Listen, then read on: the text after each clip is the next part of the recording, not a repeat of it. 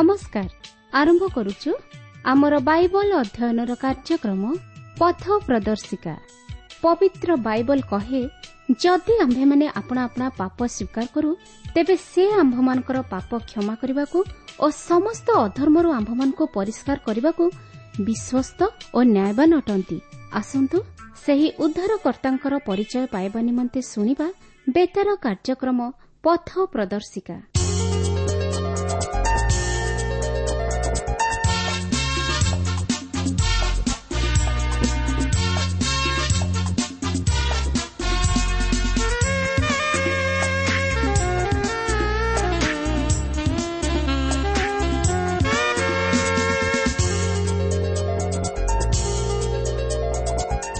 ଆସିବେ ଦିନେ ରାଜାଙ୍କ ରାଜା ପ୍ରସ୍ତୁତ ଆମେ ରହିବା।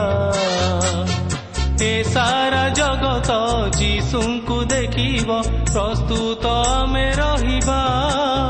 ତୁମେ ପ୍ରସ୍ତୁତ ହୁଅ ପ୍ରସ୍ତୁତ କର ଆଗମନ ନିକଟ। ଆସିବେ ଦିନେ ରାଜାଙ୍କ ରାଜା ପ୍ରସ୍ତୁତ ଆମେ ରହିବା।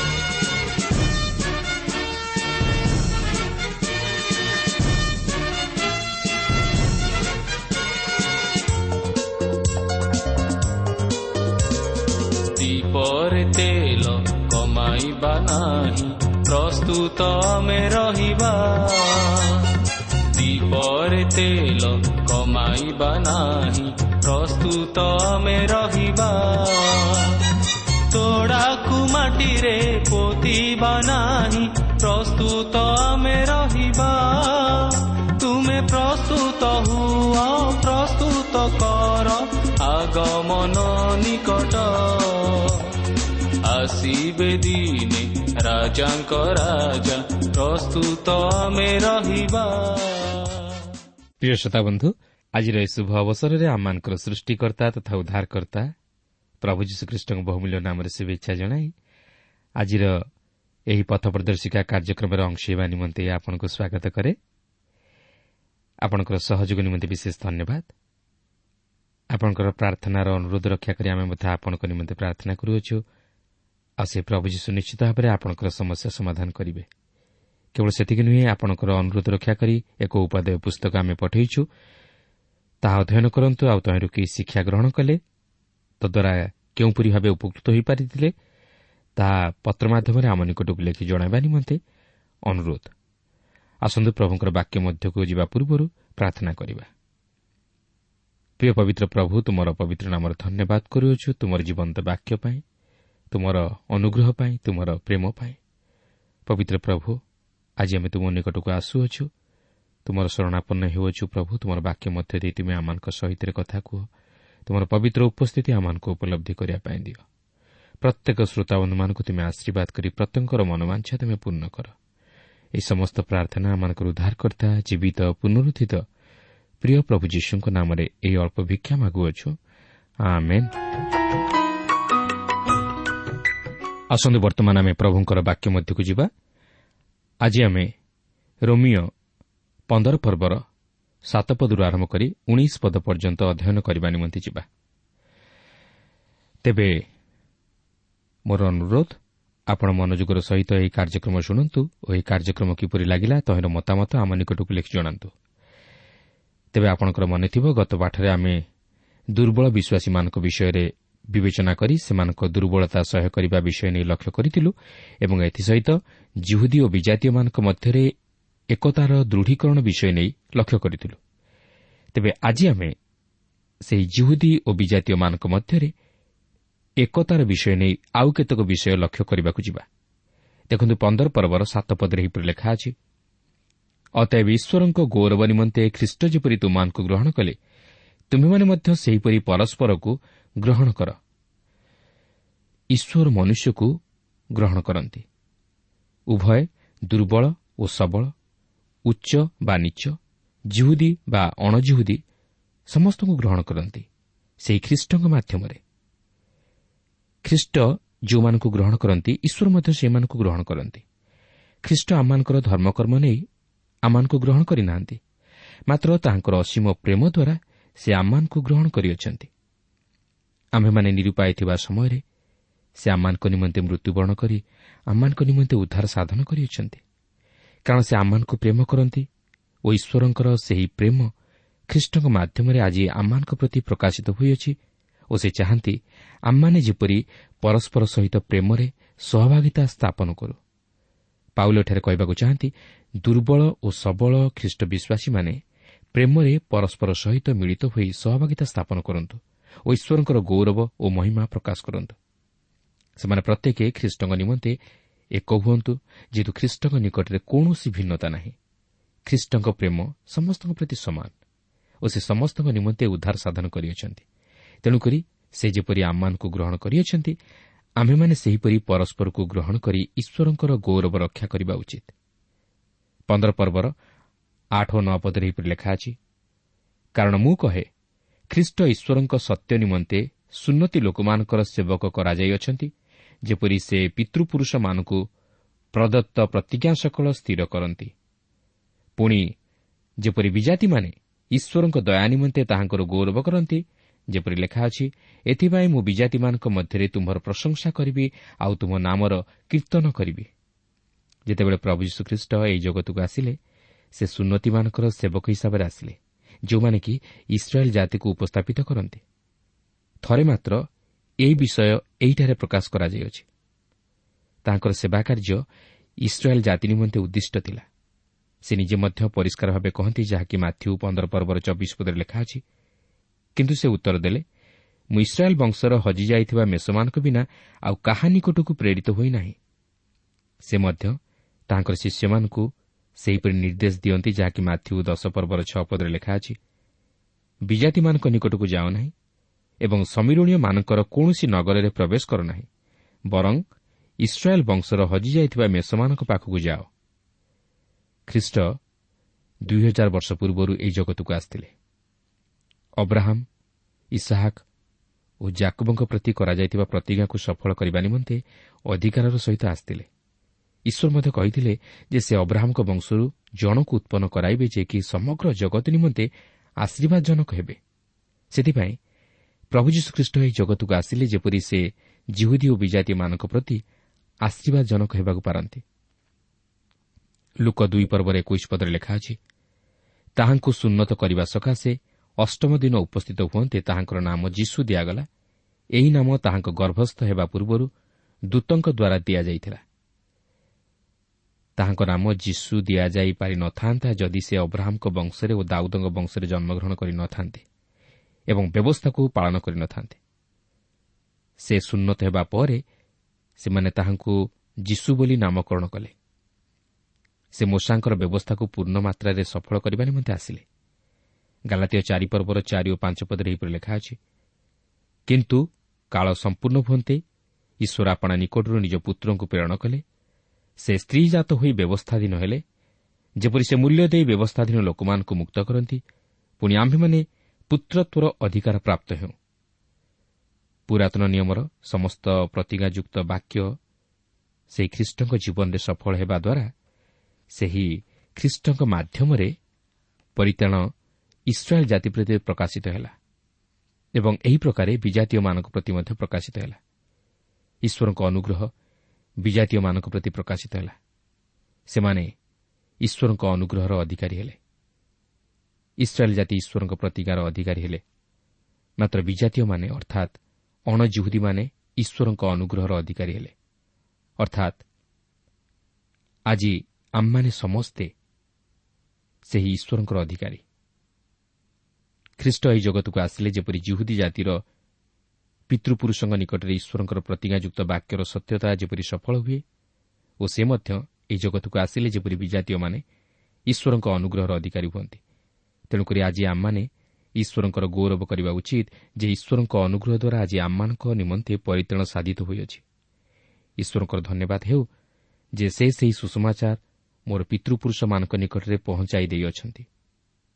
ସେମାନେ ବିଜାତୀୟ ହେଲେ ମଧ୍ୟ ଓ ଈଶ୍ୱରଙ୍କ ଅନୁଗ୍ରହର ଅଧିକାରୀ ହେବା ନିମନ୍ତେ ସେମାନଙ୍କର କୌଣସି ଯୋଗ୍ୟତା ନଥିଲେ ମଧ୍ୟ ଈଶ୍ୱର ତାହାଙ୍କର ଅସୀମ ଅନୁଗ୍ରହ ସେମାନଙ୍କ ପ୍ରତି ପ୍ରକାଶ କରିଅଛନ୍ତି ଓ ଆଜି ଆମମାନଙ୍କ ପ୍ରତି ମଧ୍ୟ ସେହି ଅନୁଗ୍ରହ ବର୍ତ୍ତି ଅଛି ଯେପରି ଲେଖା ଅଛି ଏହା ପୁରାତନ ନିୟମରୁ ଚାରୋଟି ଉଦ୍ଧୃତାଂଶକୁ ଉପସ୍ଥାପିତ କରେ ଯାହାକି ବିଜାତୀୟମାନଙ୍କର ଈଶ୍ୱରଙ୍କ ପ୍ରତି ପ୍ରଶଂସାର ବିଷୟକୁ ପ୍ରକାଶ କରେ ଯାହାକି ଆମେ ଏହାର ପରବର୍ତ୍ତୀ ଅଂଶରେ ବର୍ତ୍ତମାନ ଲକ୍ଷ୍ୟ କରିବାକୁ ପାରିବା।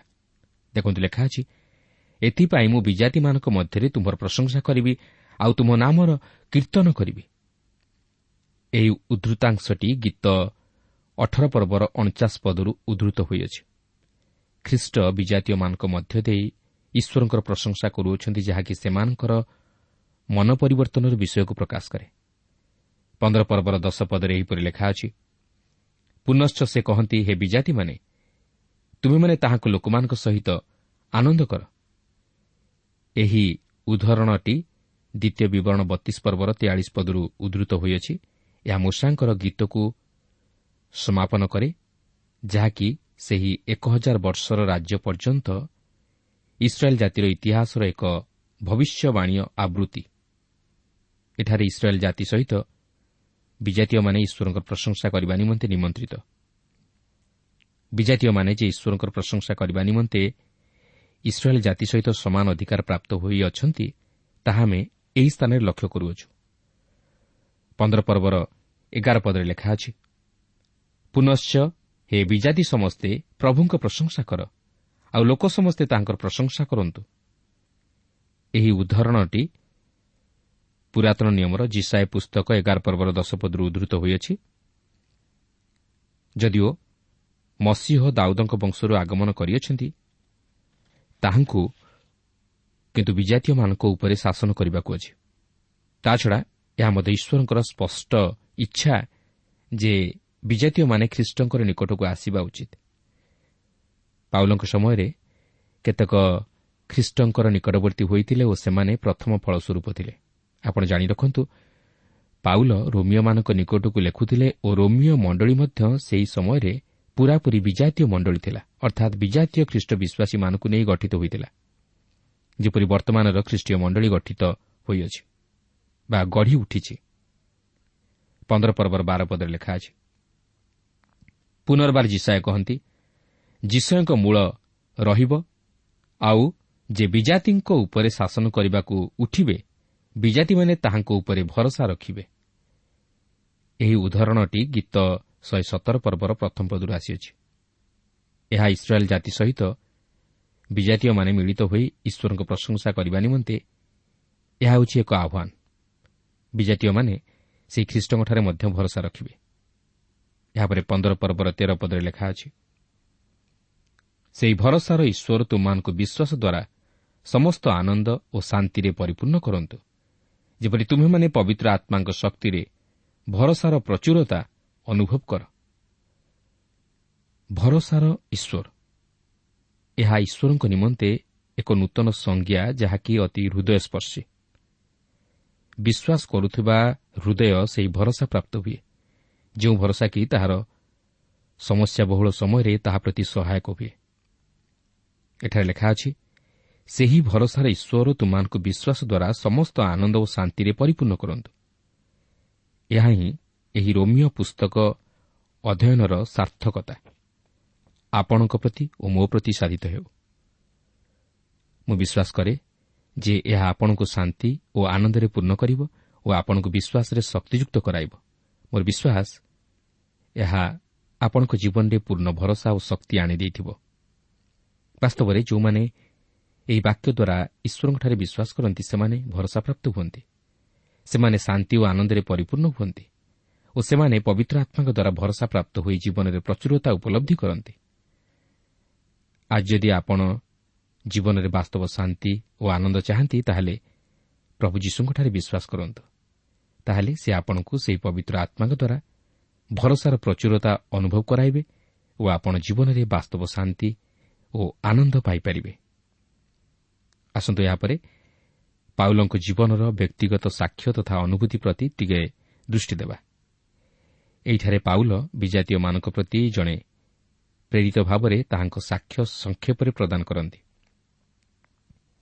ଆପଣ ଜାଣିଥିବେ ଯେ ପାଉଲ ଏହି ରୋମିଓ ପତ୍ରର ଆରମ୍ଭରେ ଏକ ବ୍ୟକ୍ତିଗତ ଭାବ ଦେଇ ଏହି ପତ୍ରଟିକୁ ଆରମ୍ଭ କରିଥିଲେ ଯେଉଁଠାରେ କି ସେ ବ୍ୟକ୍ତିଗତ ଭାବେ ରୋମ୍କୁ ଯିବା ନିମନ୍ତେ ନିଜର ଇଚ୍ଛା ପ୍ରକାଶ କରିଥିଲେ। ରୋମିଓ ପ୍ରଥମ ପର୍ବର ନଅ ଓ ଦଶ ପଦରେ ଏହିପରି ଲେଖା ଅଛି କାରଣ ଯେପରି କୌଣସି ପ୍ରକାରେ ଏତେ ଦିନ ପରେ ଈଶ୍ୱରଙ୍କ ଇଚ୍ଛା ହେଲେ ତୁମାନଙ୍କ ନିକଟକୁ ଯିବା ପାଇଁ ମୁଁ ଥରେ ସୁଯୋଗ ପାଇପାରେ ଏଥିନିମନ୍ତେ ମୁଁ କିପରି ନିରନ୍ତର ତୁମାନଙ୍କ ନାମ ଉଲ୍ଲେଖ କରି ମୋର ସମସ୍ତ ପ୍ରାର୍ଥନାରେ ସର୍ବଦା ନିବେଦନ କରି ଆସୁଅଛି ସେ ବିଷୟରେ ଯେଉଁ ଈଶ୍ୱରଙ୍କୁ ମୁଁ ମୋର ଆତ୍ମା ଦେଇ ତାହାଙ୍କ ପୁତ୍ରଙ୍କ ସୁଷମାଚାରରେ ସେବା କରେ ସେ ମୋର ସାକ୍ଷୀ ଅଟନ୍ତି। ତେଣୁ ଦେଖନ୍ତୁ ସେ ବର୍ତ୍ତମାନ ବ୍ୟକ୍ତିଗତ ଭାବେ କ'ଣ କହୁଅଛନ୍ତି? ପନ୍ଦର ପର୍ବର ଚଉଦ ପଦରେ ଏହିପରି ଲେଖା ଅଛି ଆଉ ହେ ମୋର ଭାଇମାନେ ତୁମେମାନେ ଯେ ଆପେ ଆପେ ମଙ୍ଗଳ ଭାବରେ ଓ ସମସ୍ତ ଜ୍ଞାନରେ ପରିପୂର୍ଣ୍ଣ ପୁଣି ପରସ୍ପରକୁ ଚେତନା ଦେବା ନିମନ୍ତେ ମଧ୍ୟ ସକ୍ଷମ ଏହା ମୁଁ ନିଜେ ସୁଦ୍ଧା ତୁମାନଙ୍କ ବିଷୟରେ ନିଶ୍ଚୟ ବୋଧ କରୁଅଛି। ଏହା ଅତି ସୁନ୍ଦର ବିଷୟ। ଧର୍ମତତ୍ତ୍ୱ ଦିଗରେ ସେ ଯେଉଁ ପ୍ରକାର ଦୃଢ଼ତାର ସହିତ ଓ ଖୋଲାଖୋଲି ଭାବେ ଏହି ରୋମିଓ ପତ୍ରରେ ରୋମିଓମାନଙ୍କୁ ଯେଉଁ ସମସ୍ତ ବିଷୟ କହିଥିଲେ ସେଥିନିମନ୍ତେ ସେ ଏହି ପଦରେ ସରଳ ଭାବେ କ୍ଷମା ମାଗି ନେଉଛନ୍ତି। ସେମାନଙ୍କ ଜୀବନରେ ସେହି ଉତ୍ତମତା ବା ଜ୍ଞାନର ଅଭାବ ଥିଲା ତାହା ନୁହେଁ ମାତ୍ର ସେମାନେ ଏହି ସମସ୍ତ ବିଷୟରେ ଏତେ ଦୂର ପରିପୂର୍ଣ୍ଣ ଥିଲେ ଯେ ପାଉଲ ସ୍ପଷ୍ଟ ଭାବେ ତାହା ପ୍ରକାଶ କରିବା ନିମନ୍ତେ ସମର୍ଥ ହୋଇପାରିଥିଲେ। ଏହା କ'ଣ ଅତି ଚମତ୍କାର ବିଷୟ ନୁହେଁ କି? ସେ ଆମମାନଙ୍କୁ ଏହି ରୋମିଓ ପତ୍ରଟି ପ୍ରଦାନ କରିଅଛନ୍ତି ଯେପରି ସେ ଏହି ସମସ୍ତ ଗୁରୁତ୍ୱପୂର୍ଣ୍ଣ ବିଷୟଗୁଡ଼ିକ ଆମମାନଙ୍କ ନିକଟରେ ପ୍ରକାଶିତ କରିପାରନ୍ତି। ପ୍ରିୟ ବନ୍ଧୁ ଏହି ରୋମିଓ ପତ୍ରର ଗୁରୁତ୍ୱପୂର୍ଣ୍ଣ ବିଷୟଗୁଡ଼ିକୁ ବୁଝିବା ଜଣେ ଖ୍ରୀଷ୍ଟ ବିଶ୍ୱାସୀ ନିମନ୍ତେ ନିତାନ୍ତ ଆବଶ୍ୟକ। କାରଣ ଏହା ଖ୍ରୀଷ୍ଟୀୟ ଜୀବନର ଅଭିବୃଦ୍ଧି ନିମନ୍ତେ ବିଶେଷ ସହାୟକ। ପ୍ରତ୍ୟେକ ଖ୍ରୀଷ୍ଟ ବିଶ୍ୱାସୀ ଏହି ରୋମିଓ ପତ୍ରଟିକୁ ଅଧ୍ୟୟନ କରି ଏହାର ଗଭୀର ଅର୍ଥକୁ ବୁଝିବା ନିତାନ୍ତ ଆବଶ୍ୟକ। କାରଣ ଏହି ପୁସ୍ତକ ତାହାର ବିଶ୍ୱାସର ଭିତ୍ତିମୂଳକୁ ସୁଦୃଢ଼ କରିପାରିବ। ଏହି ପତ୍ର ମଧ୍ୟରେ ପାଉଲ ଅତି ନମ୍ରତାର ସହିତ ଉପଦେଶ ପ୍ରଦାନ କରନ୍ତି। ରୋମିଓ ପନ୍ଦର ପର୍ବର ପନ୍ଦର ଓ ଷୋହଳ ପଦରେ ଏହିପରି ଲେଖା ଅଛି ତଥାପି ମୋତେ ଈଶ୍ୱରଙ୍କ କର୍ତ୍ତୃକ ଦତ୍ତ ଅନୁଗ୍ରହ ହେତୁ ମୁଁ ତୁମାନଙ୍କୁ ପୁନର୍ବାର ସ୍କରଣ କରାଇବା ନିମନ୍ତେ କେତେକ ପରିମାଣରେ ଅଧିକ ସାହସ ସହିତ ତୁମାନଙ୍କ ନିକଟକୁ ଲେଖୁଅଛି। କାରଣ ବିଜାତିମାନେ ଯେପରି ପବିତ୍ର ଆତ୍ମାଙ୍କ ଦ୍ୱାରା ପବିତ୍ରକୃତ ହୋଇ ନୈବେଦ୍ୟ ସ୍ୱରୂପେ ସୁଗ୍ରାହ୍ୟ ହୁଅନ୍ତି ଏଥିନିମନ୍ତେ ସେମାନଙ୍କ ନିକଟରେ ଖ୍ରୀଷ୍ଟ ଯୀଶୁଙ୍କ ସେବକ ହୋଇ ଈଶ୍ୱରଙ୍କ ସୁଷମାଚାରର ଯାଜକତ୍ୱ କରିବା ପାଇଁ ମୋତେ ସେହି ଅନୁଗ୍ରହ ଦତ୍ତ ହୋଇଅଛି। ପାଉଲ ଯେତେବେଳେ କହନ୍ତି ଯେ ମୁଁ ତୁମାନଙ୍କ ନିକଟକୁ ଲେଖୁଅଛି ସେତେବେଳେ ସେ ଏହି ରୋମିଓ ପତ୍ର ବିଷୟରେ ପ୍ରକାଶ କରନ୍ତି।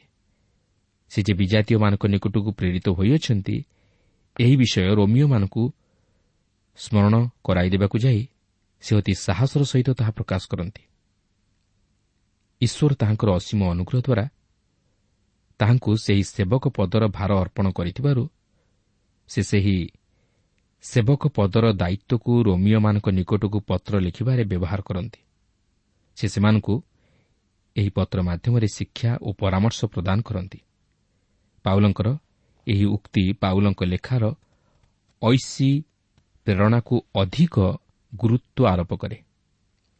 ସେ ନିଜକୁ ସୁଷମାଚାର ପ୍ରଚାରର ସେବକ ସ୍ୱରୂପେ ଉପସ୍ଥାପିତ କରିବାକୁ ଯାଇ ଯାଜକୀୟ ମନ୍ଦିର ଉପାସନାର ଭାଷାକୁ ଏହି ଅଂଶରେ ପ୍ରୟୋଗ କରନ୍ତି।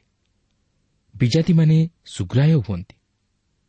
ବିଜାତିମାନେ ଯେ ବ୍ୟବସ୍ଥା ପାଳନ ଦ୍ୱାରା ଉଦ୍ଧାରପ୍ରାପ୍ତ ନ ହୋଇ ଖ୍ରୀଷ୍ଟ ଯୀଶୁଙ୍କଠାରେ ବିଶ୍ୱାସ କରିବା ଦ୍ୱାରା ଉଦ୍ଧାରପ୍ରାପ୍ତ ହେବେ ଏହା ଥିଲା ପାଉଲଙ୍କର ପ୍ରଚାର। ଲେଖା ଅଛି ବିଜାତିମାନେ ଯେପରି ପବିତ୍ର ଆତ୍ମାଙ୍କ ଦ୍ୱାରା ପବିତ୍ରକୃତ ହୁଅନ୍ତି। କର୍ଣ୍ଣିଲିୟଙ୍କଠାରୁ ଆରମ୍ଭ କରି ପବିତ୍ର ଆତ୍ମା ବିଜାତିମାନଙ୍କ ଉପରେ ଅବତରଣ କଲେ।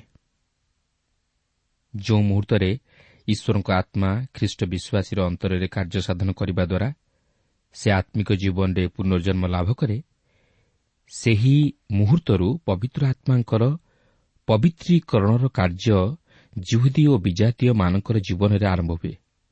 ପାଉଲ ସୁଷମାଚାର ପ୍ରଚାର କଲେ। ମାତ୍ର ଯେତେବେଳେ ସେମାନେ ଖ୍ରୀଷ୍ଟଙ୍କଠାରେ ବିଶ୍ୱାସ କଲେ ସେତେବେଳେ ଈଶ୍ୱର ସେମାନଙ୍କ ନିମନ୍ତେ ପବିତ୍ର ଆତ୍ମାଙ୍କୁ ପ୍ରଦାନ କଲେ। ଆପଣ ମଧ୍ୟ ମନେ ରଖିବା ଉଚିତ ଯେ ପାଉଲ ବିଶେଷ ଭାବରେ ବିଜାତିମାନଙ୍କ ନିମନ୍ତେ ପ୍ରେରିତ ହୋଇଥିଲେ। ସେ ଜଣେ ମହାଯାଜକ ଭାବେ ବିଜାତୀୟମାନଙ୍କୁ ନୈବେଦ୍ୟ ରୂପେ ଈଶ୍ୱରଙ୍କ ନିମନ୍ତେ ଉତ୍ସର କଲେ। ଯଦିଓ ଏହାର ସମ୍ପୂର୍ଣ୍ଣ ତାତ୍ପର୍ଯ୍ୟତା ବୁଝିବା ଆମମାନଙ୍କ ପକ୍ଷେ ଅତି ଜଟିଳ ବିଷୟ ତଥାପି ଆଜି ମଧ୍ୟ ଆମମାନେ ବିଜାତୀୟ ଖ୍ରୀଷ୍ଟ ବିଶ୍ୱାସୀ ଭାବେ ଏହି ସମସ୍ତ ଅନୁଗ୍ରହର ଅଧିକାରୀ ହୋଇଅଛୁ। ଏହା ଆମମାନଙ୍କ ଜୀବନରେ ମଧ୍ୟ ସଫଳ ହେଉଅଛି। ଈଶ୍ୱର ପାଉଲଙ୍କୁ ଆମମାନଙ୍କ ନିମନ୍ତେ ପ୍ରଦାନ କଲେ ଯିଏକି ଆମ୍ଭମାନଙ୍କ ନିକଟରେ ଏହି ସମସ୍ତ ସତ୍ୟ ପ୍ରକାଶ କରିଅଛନ୍ତି। ତେଣୁକରି ଏହି କାରଣରୁ ଆମେମାନେ ଏହି ରୋମିଓ ପତ୍ରଟିକୁ ପାଠ କରିବା ଉଚିତ ଯେପରି ଆମେ ଈଶ୍ୱରଙ୍କର ବାସ୍ତବ ଅଭିମତକୁ ବୁଝି ତାହା ଆମମାନଙ୍କ ଜୀବନରେ ସଫଳ କରିବାକୁ ପାରୁ। ପନ୍ଦର ପର୍ବର ସତର ପଦରେ ଲେଖା ଅଛି ଏଣୁ ଈଶ୍ୱରଙ୍କ ସେବା ବିଷୟରେ ମୋହର ଖ୍ରୀଷ୍ଟ ଯୀଶୁଙ୍କଠାରେ ଦର୍ପ କରିବାର ଅଛି। ପାଉଲ ଯଦିଓ ଭାବନ୍ତି ଯେ ରୋମ୍ରେ ଥିବା ସାଧୁମାନେ ତାହାଙ୍କର ପରାମର୍ଶ ଆବଶ୍ୟକ କରନ୍ତି ନାହିଁ ତଥାପି ସେ ଖ୍ରୀଷ୍ଟ ଯୀଶୁଙ୍କର ସେବକ ତଥା ପ୍ରେରିତ ହୋଇଥିବାରୁ ଦୃଢ଼ତାର ସହିତ ଏହି ପତ୍ରଟି ଲେଖନ୍ତି। କାରଣ ସେ ଖ୍ରୀଷ୍ଟଙ୍କର ଦାସ ଓ ତାହାଙ୍କର ଇଚ୍ଛା ଅନୁଯାୟୀ ସମସ୍ତ କାର୍ଯ୍ୟ କରନ୍ତି। ସେ ତାହାଙ୍କର ସେବକ ଭାବେ ତାହାଙ୍କର ଇଚ୍ଛା ଅନୁଯାୟୀ କାର୍ଯ୍ୟ କରିଥିବାରୁ ସେ ତାହାଙ୍କଠାରେ ମଧ୍ୟ ଦର୍ପ କରନ୍ତି। ଅର୍ଥାତ୍ ନିଜ ନିମନ୍ତେ ନୁହେଁ ମାତ୍ର ଖ୍ରୀଷ୍ଟଙ୍କ ନିମନ୍ତେ ଦର୍ପ କରନ୍ତି। ଯେହେତୁ ସେ ହେଉଛନ୍ତି ସବୁର କର୍ତ୍ତା। ସେ ତାହାଙ୍କୁ ଶକ୍ତି ଓ ସାମର୍ଥ୍ୟ ଦେଇ ବ୍ୟବହାର କରନ୍ତି। ଈଶ୍ୱରଙ୍କ ସେବା କରିବା ନିମନ୍ତେ ସେ ତାହାଙ୍କୁ ମନୋନୀତ କରିଅଛନ୍ତି। ପନ୍ଦର ପର୍ବର ଅଠର ଉଣେଇଶ ପଦରେ ଏହିପରି ଲେଖା ଅଛି କାରଣ ବିଜାତିମାନଙ୍କୁ ଆଜ୍ଞାବହ କରିବା ନିମନ୍ତେ ଖ୍ରୀଷ୍ଟ ମୋ ଦ୍ୱାରା ବାକ୍ୟରେ ଓ କର୍ମରେ ଅର୍ଥାତ୍ ନାନା ଚିହ୍ନ ଓ ଆଶ୍ଚର୍ଯ୍ୟ କର୍ମରେ ପବିତ୍ର ଆତ୍ମାଙ୍କ ଶକ୍ତିରେ ଯାହା ଯାହା ସାଧନ କରିନାହାନ୍ତି ଏପରି କୌଣସି ବିଷୟ କହିବାକୁ ମୁଁ ସାହସ କରିବି ନାହିଁ। ଏହି ପ୍ରକାରେ ଜିରୁସଲମଠାରୁ ଇଲୁରିକ ପର୍ଯ୍ୟନ୍ତ ଚତୁର୍ୀ ଦିଗରେ ମୁଁ ଖ୍ରୀଷ୍ଟଙ୍କ ସୁଷମାଚାର ସମ୍ପୂର୍ଣ୍ଣ ରୂପେ ପ୍ରଚାର କରିଅଛି। ଏଠାରେ ପାଉଲ କେତେକ ଗୁରୁତ୍ୱପୂର୍ଣ୍ଣ ବିଷୟ ପ୍ରକାଶ କରନ୍ତି। ଯଦି ଆମେ ପାଉଲଙ୍କୁ ବୁଝିବା ନିମନ୍ତେ ଚାହୁଁ ବିଶେଷରେ ପାଉଲ କିମ୍ବା ପିତର ରୋମ୍ରେ ମଣ୍ଡଳୀ ଗଠନ କରିଥିଲେ କି ନାହିଁ ସେହି ବିଷୟରେ ଜାଣିବାକୁ ଚାହୁଁ ତାହେଲେ ପାଉଲ ଏଠାରେ ଯେଉଁ ବିଷୟ ପ୍ରକାଶ କରନ୍ତି ତହିଁ ପ୍ରତି ଦୃଷ୍ଟି ଦେବା ନିତାନ୍ତ ଆବଶ୍ୟକ। ପାଉଲ ଏଠାରେ କହନ୍ତି ଅନ୍ୟମାନଙ୍କ ଦ୍ୱାରା ଈଶ୍ୱରଙ୍କ ଯେଉଁ କାର୍ଯ୍ୟ ସାଧିତ ହୋଇଥାଏ ସେ ତହିଁର ବାହାଦୁରୀ ନେବାକୁ ଚାହାନ୍ତି ନାହିଁ। ବିଶେଷକରି ବିଜାତୀୟମାନଙ୍କ ମଧ୍ୟରେ ଯଦି କେହି କାର୍ଯ୍ୟ କରିଥାଏ ତାହେଲେ ସେ ତହିଁର ବାହାଦୁରୀ ନିଅନ୍ତି ନାହିଁ। ଅନ୍ୟ ଅର୍ଥରେ କହିବାକୁ ଗଲେ ଖ୍ରୀଷ୍ଟଙ୍କ ନିମନ୍ତେ ଓ ଖ୍ରୀଷ୍ଟଙ୍କ ଦ୍ୱାରା ସେ ଯାହା କିଛି କରିଛନ୍ତି କେବଳ ତାହା ହିଁ ସେ ପ୍ରକାଶ କରନ୍ତି। ଲେଖା ଅଛି ନାନା ଚିହ୍ନ ଓ ଆଶ୍ଚର୍ଯ୍ୟ କର୍ମରେ। ଆଦ୍ୟ ମଣ୍ଡଳୀରେ ପ୍ରେରିତ ପଦର ଏହା ହିଁ ଥିଲା ପ୍ରମାଣ ଓ ଲକ୍ଷଣ। ନୂତନ ନିୟମ ଲିଖିତ ଆକାରରେ ପ୍ରକାଶ ପାଇବା ପୂର୍ବରୁ ମଣ୍ଡଳୀ ପ୍ରତିଷ୍ଠା କରିବା ନିମନ୍ତେ ଏହି ସମସ୍ତ ବିଷୟ ସେମାନଙ୍କୁ ଦିଆଯାଇଥିଲା ଯେପରି ସେମାନେ ନାନା ଚିହ୍ନ ଓ ଆଶ୍ଚର୍ଯ୍ୟ କର୍ମ ଦ୍ୱାରା ଅନେକଙ୍କୁ ଖ୍ରୀଷ୍ଟଙ୍କର ନିକଟବର୍ତ୍ତୀ କରାଇପାରନ୍ତି ସେଥିପାଇଁ ଏଫିସିଓ ଦୁଇ ପର୍ବର କୋଡ଼ିଏ ପଦରେ ପ୍ରେରିତ ପାଉଲ ଏଫିସିଓ ମଣ୍ଡଳୀର ଖ୍ରୀଷ୍ଟ ବିଶ୍ୱାସୀମାନଙ୍କ ନିକଟକୁ ଏହିପରି ଲେଖନ୍ତି ତୁମେମାନେ ପ୍ରେରିତ ଓ ମାଓବାଦୀମାନଙ୍କର ଭିତ୍ତିମୂଳ ଉପରେ ନିର୍ମିତ ହୋଇଅଛ। ଖ୍ରୀଷ୍ଟ ଯୀଶୁ ସ୍ୱୟଂ ସେଥିର କୋଣର ପ୍ରଧାନ ପ୍ରସ୍ତର। ସେ କହିବାକୁ ଚାହାନ୍ତି ନାହିଁ ଯେ ପ୍ରେରିତମାନେ ମୂଳଦୁଆ ଅଟନ୍ତି ମାତ୍ର ଖ୍ରୀଷ୍ଟ ହେଉଛନ୍ତି ମୂଳଦୁଆ। ସେଥିପାଇଁ ପ୍ରଥମ କରିଥିବ ତିନି ପର୍ବର ଏଗାର ପଦରେ ଲେଖା ଅଛି କାରଣ ଯେଉଁ ଭିତ୍ତିମୂଳ ସ୍ଥାପିତ ହୋଇଅଛି ତାହା ବ୍ୟତୀତ ଅନ୍ୟ ଭିତ୍ତିମୂଳ କେହି ସ୍ଥାପନ କରିପାରେ ନାହିଁ। ସେହି ଭିତ୍ତିମୂଳ ଯୀଶୁଖ୍ରୀଷ୍ଟ। କିନ୍ତୁ ପ୍ରେରିତମାନେ ହେଉଛନ୍ତି ଜଣେ ଯେଉଁମାନେ କି ଖ୍ରୀଷ୍ଟଙ୍କ ଭିତ୍ତିମୂଳକୁ ସ୍ଥାପନ କଲେ। ତାହା ହିଁ ପାଉଲ ଏଠାରେ ପ୍ରକାଶ କରନ୍ତି। ପାଉଲ କହନ୍ତି ତାହାଙ୍କ ଦ୍ୱାରା ସୁଷମାଚାର ଇଲୁରିକ ପର୍ଯ୍ୟନ୍ତ ଆସିଅଛି। ଇଟାଲୀ ପରେ ପରେ ଇଲୁରିକ ରୋମ୍ ସାମ୍ରାଜ୍ୟର ଏକ ଅଂଶ ବା ପ୍ରଦେଶ ରୂପେ ଗଣିତ ହୋଇଥିଲା। ତେଣୁକରି ପାଉଲ ଯଦିଓ ରୋମ୍ରେ ପହଞ୍ଚି ନଥିଲେ ମାତ୍ର ସେ ରୋମ୍ ସାମ୍ରାଜ୍ୟର ବିଭିନ୍ନ ପ୍ରଦେଶମାନଙ୍କରେ ପହଞ୍ଚି ପାରିଥିଲେ ନିଃସନ୍ଦେହରେ କୁହାଯାଇପାରେ ଯେ ସେ ରୋମ୍ ସାମ୍ରାଜ୍ୟର ବିଭିନ୍ନ ଅଞ୍ଚଳକୁ ଯାଇଥିଲେ। ଅନେକ ବିଶ୍ୱାସ କରନ୍ତି ଯେ ସେ ସ୍ପେନ୍କୁ ମଧ୍ୟ ଯାଇଥିଲେ। ମୁଁ ବିଶ୍ୱାସ କରେ ଯେ ଏହି ପତ୍ରଟି ତାହାଙ୍କର ସ୍ପେନ୍କୁ ଯାତ୍ରା କରିବା ମଧ୍ୟ ପ୍ରକାଶ କରେ। ମୁଁ ଭାବେ ଯେ ସେ ମଧ୍ୟ ଗ୍ରେଟ୍ ବ୍ରିଟେନ୍କୁ ମଧ୍ୟ ଯାଇଥିଲେ ଯେହେତୁ ସେ ରୋମ୍ ସାମ୍ରାଜ୍ୟର ବିଭିନ୍ନ ଅଞ୍ଚଳକୁ ଯାଇଥିଲେ ଯାହାକି ଆମେ ପରବର୍ତ୍ତୀ ଅଂଶରେ ଲକ୍ଷ୍ୟ କରିବାକୁ ପାରିବା। ତେଣୁ ପ୍ରିୟ ବନ୍ଧୁ ଏଇଥିରୁ ଆମେ ଲକ୍ଷ୍ୟ କରିବାକୁ ପାରୁଛୁ ଯେ ପ୍ରେରିତ ପାଉଲଙ୍କର ଆତ୍ମା ଲାଭ ପ୍ରତି କି ପ୍ରକାର ଉଦ୍ୟୋଗ ଥିଲା। ମଣ୍ଡଳୀ ଗଠନ ପ୍ରତି ତାହାଙ୍କର କି ପ୍ରକାର ଉଦ୍ୟୋଗ ଥିଲା? ଆଉ ସେ ତାହାଙ୍କର ପତ୍ର ମାଧ୍ୟମରେ ବିଜାତୀୟମାନଙ୍କୁ କି ଆଶ୍ଚର୍ଯ୍ୟ ଭାବରେ ଉତ୍ସାହିତ କରୁଥିଲେ ଯେଉଁମାନେ କି ନୂତନ ଭାବରେ ପ୍ରଭୁ ଶ୍ରୀଖ୍ରୀଷ୍ଟଙ୍କଠାରେ ବିଶ୍ୱାସ କରି ଖ୍ରୀଷ୍ଟୀୟ ମଣ୍ଡଳୀଭୁକ୍ତ ହେଉଥିଲେ। ଆଜି ଆମମାନଙ୍କର ପ୍ରତ୍ୟେକଙ୍କର ସେହିପରି ଆତ୍ମା ଲାଭର ତୃଷା ରହିବା ଆବଶ୍ୟକ। ମଣ୍ଡଳୀ ଗଠନ ନିମନ୍ତେ ଆମମାନଙ୍କର ପ୍ରତ୍ୟେକଙ୍କର ସେହି ପ୍ରକାର ପ୍ରଭୁଙ୍କ ପ୍ରତି ଆନ୍ତରିକତା ରହିବା ଆବଶ୍ୟକ। ନୂତନ ବିଶ୍ୱାସୀମାନଙ୍କୁ ପ୍ରଭୁରେ ବଢ଼ାଇବା ଆବଶ୍ୟକ। ତେଣୁ ଆସୁ ପ୍ରଭୁ ଶ୍ରୀଖ୍ରୀଷ୍ଟଙ୍କୁ ଗ୍ରହଣ କରିବା ସଙ୍ଗେ ସଙ୍ଗେ ତାଙ୍କର ମଣ୍ଡଳୀ ଗଠନ ନିମନ୍ତେ ଆମମାନେ ଦୃଢ଼ ପଦକ୍ଷେପ ନେଉ। ଅନ୍ୟମାନଙ୍କୁ ବିଶ୍ୱାସରେ ବର୍ଦ୍ଧିଷ୍ଣୁ କରାଉ ଅନ୍ୟମାନଙ୍କୁ ଉତ୍ସାହିତ କରୁ ତାହେଲେ ପ୍ରଭୁ ଯୀଶୁଙ୍କର ମହତ ଅଭିମତ ସାଧିତ ହୋଇପାରିବ ଏବଂ ଖ୍ରୀଷ୍ଟୀୟ ମଣ୍ଡଳୀ ଆହୁରି ସୁଦୃଢ଼ ହୋଇପାରିବ। ପ୍ରଭୁ ପ୍ରତ୍ୟେକଙ୍କୁ ଏହି ସଂକ୍ଷିପ୍ତ ଆଲୋଚନା ମଧ୍ୟ ଦେଇ ଆଶୀର୍ବାଦ କରନ୍ତୁ।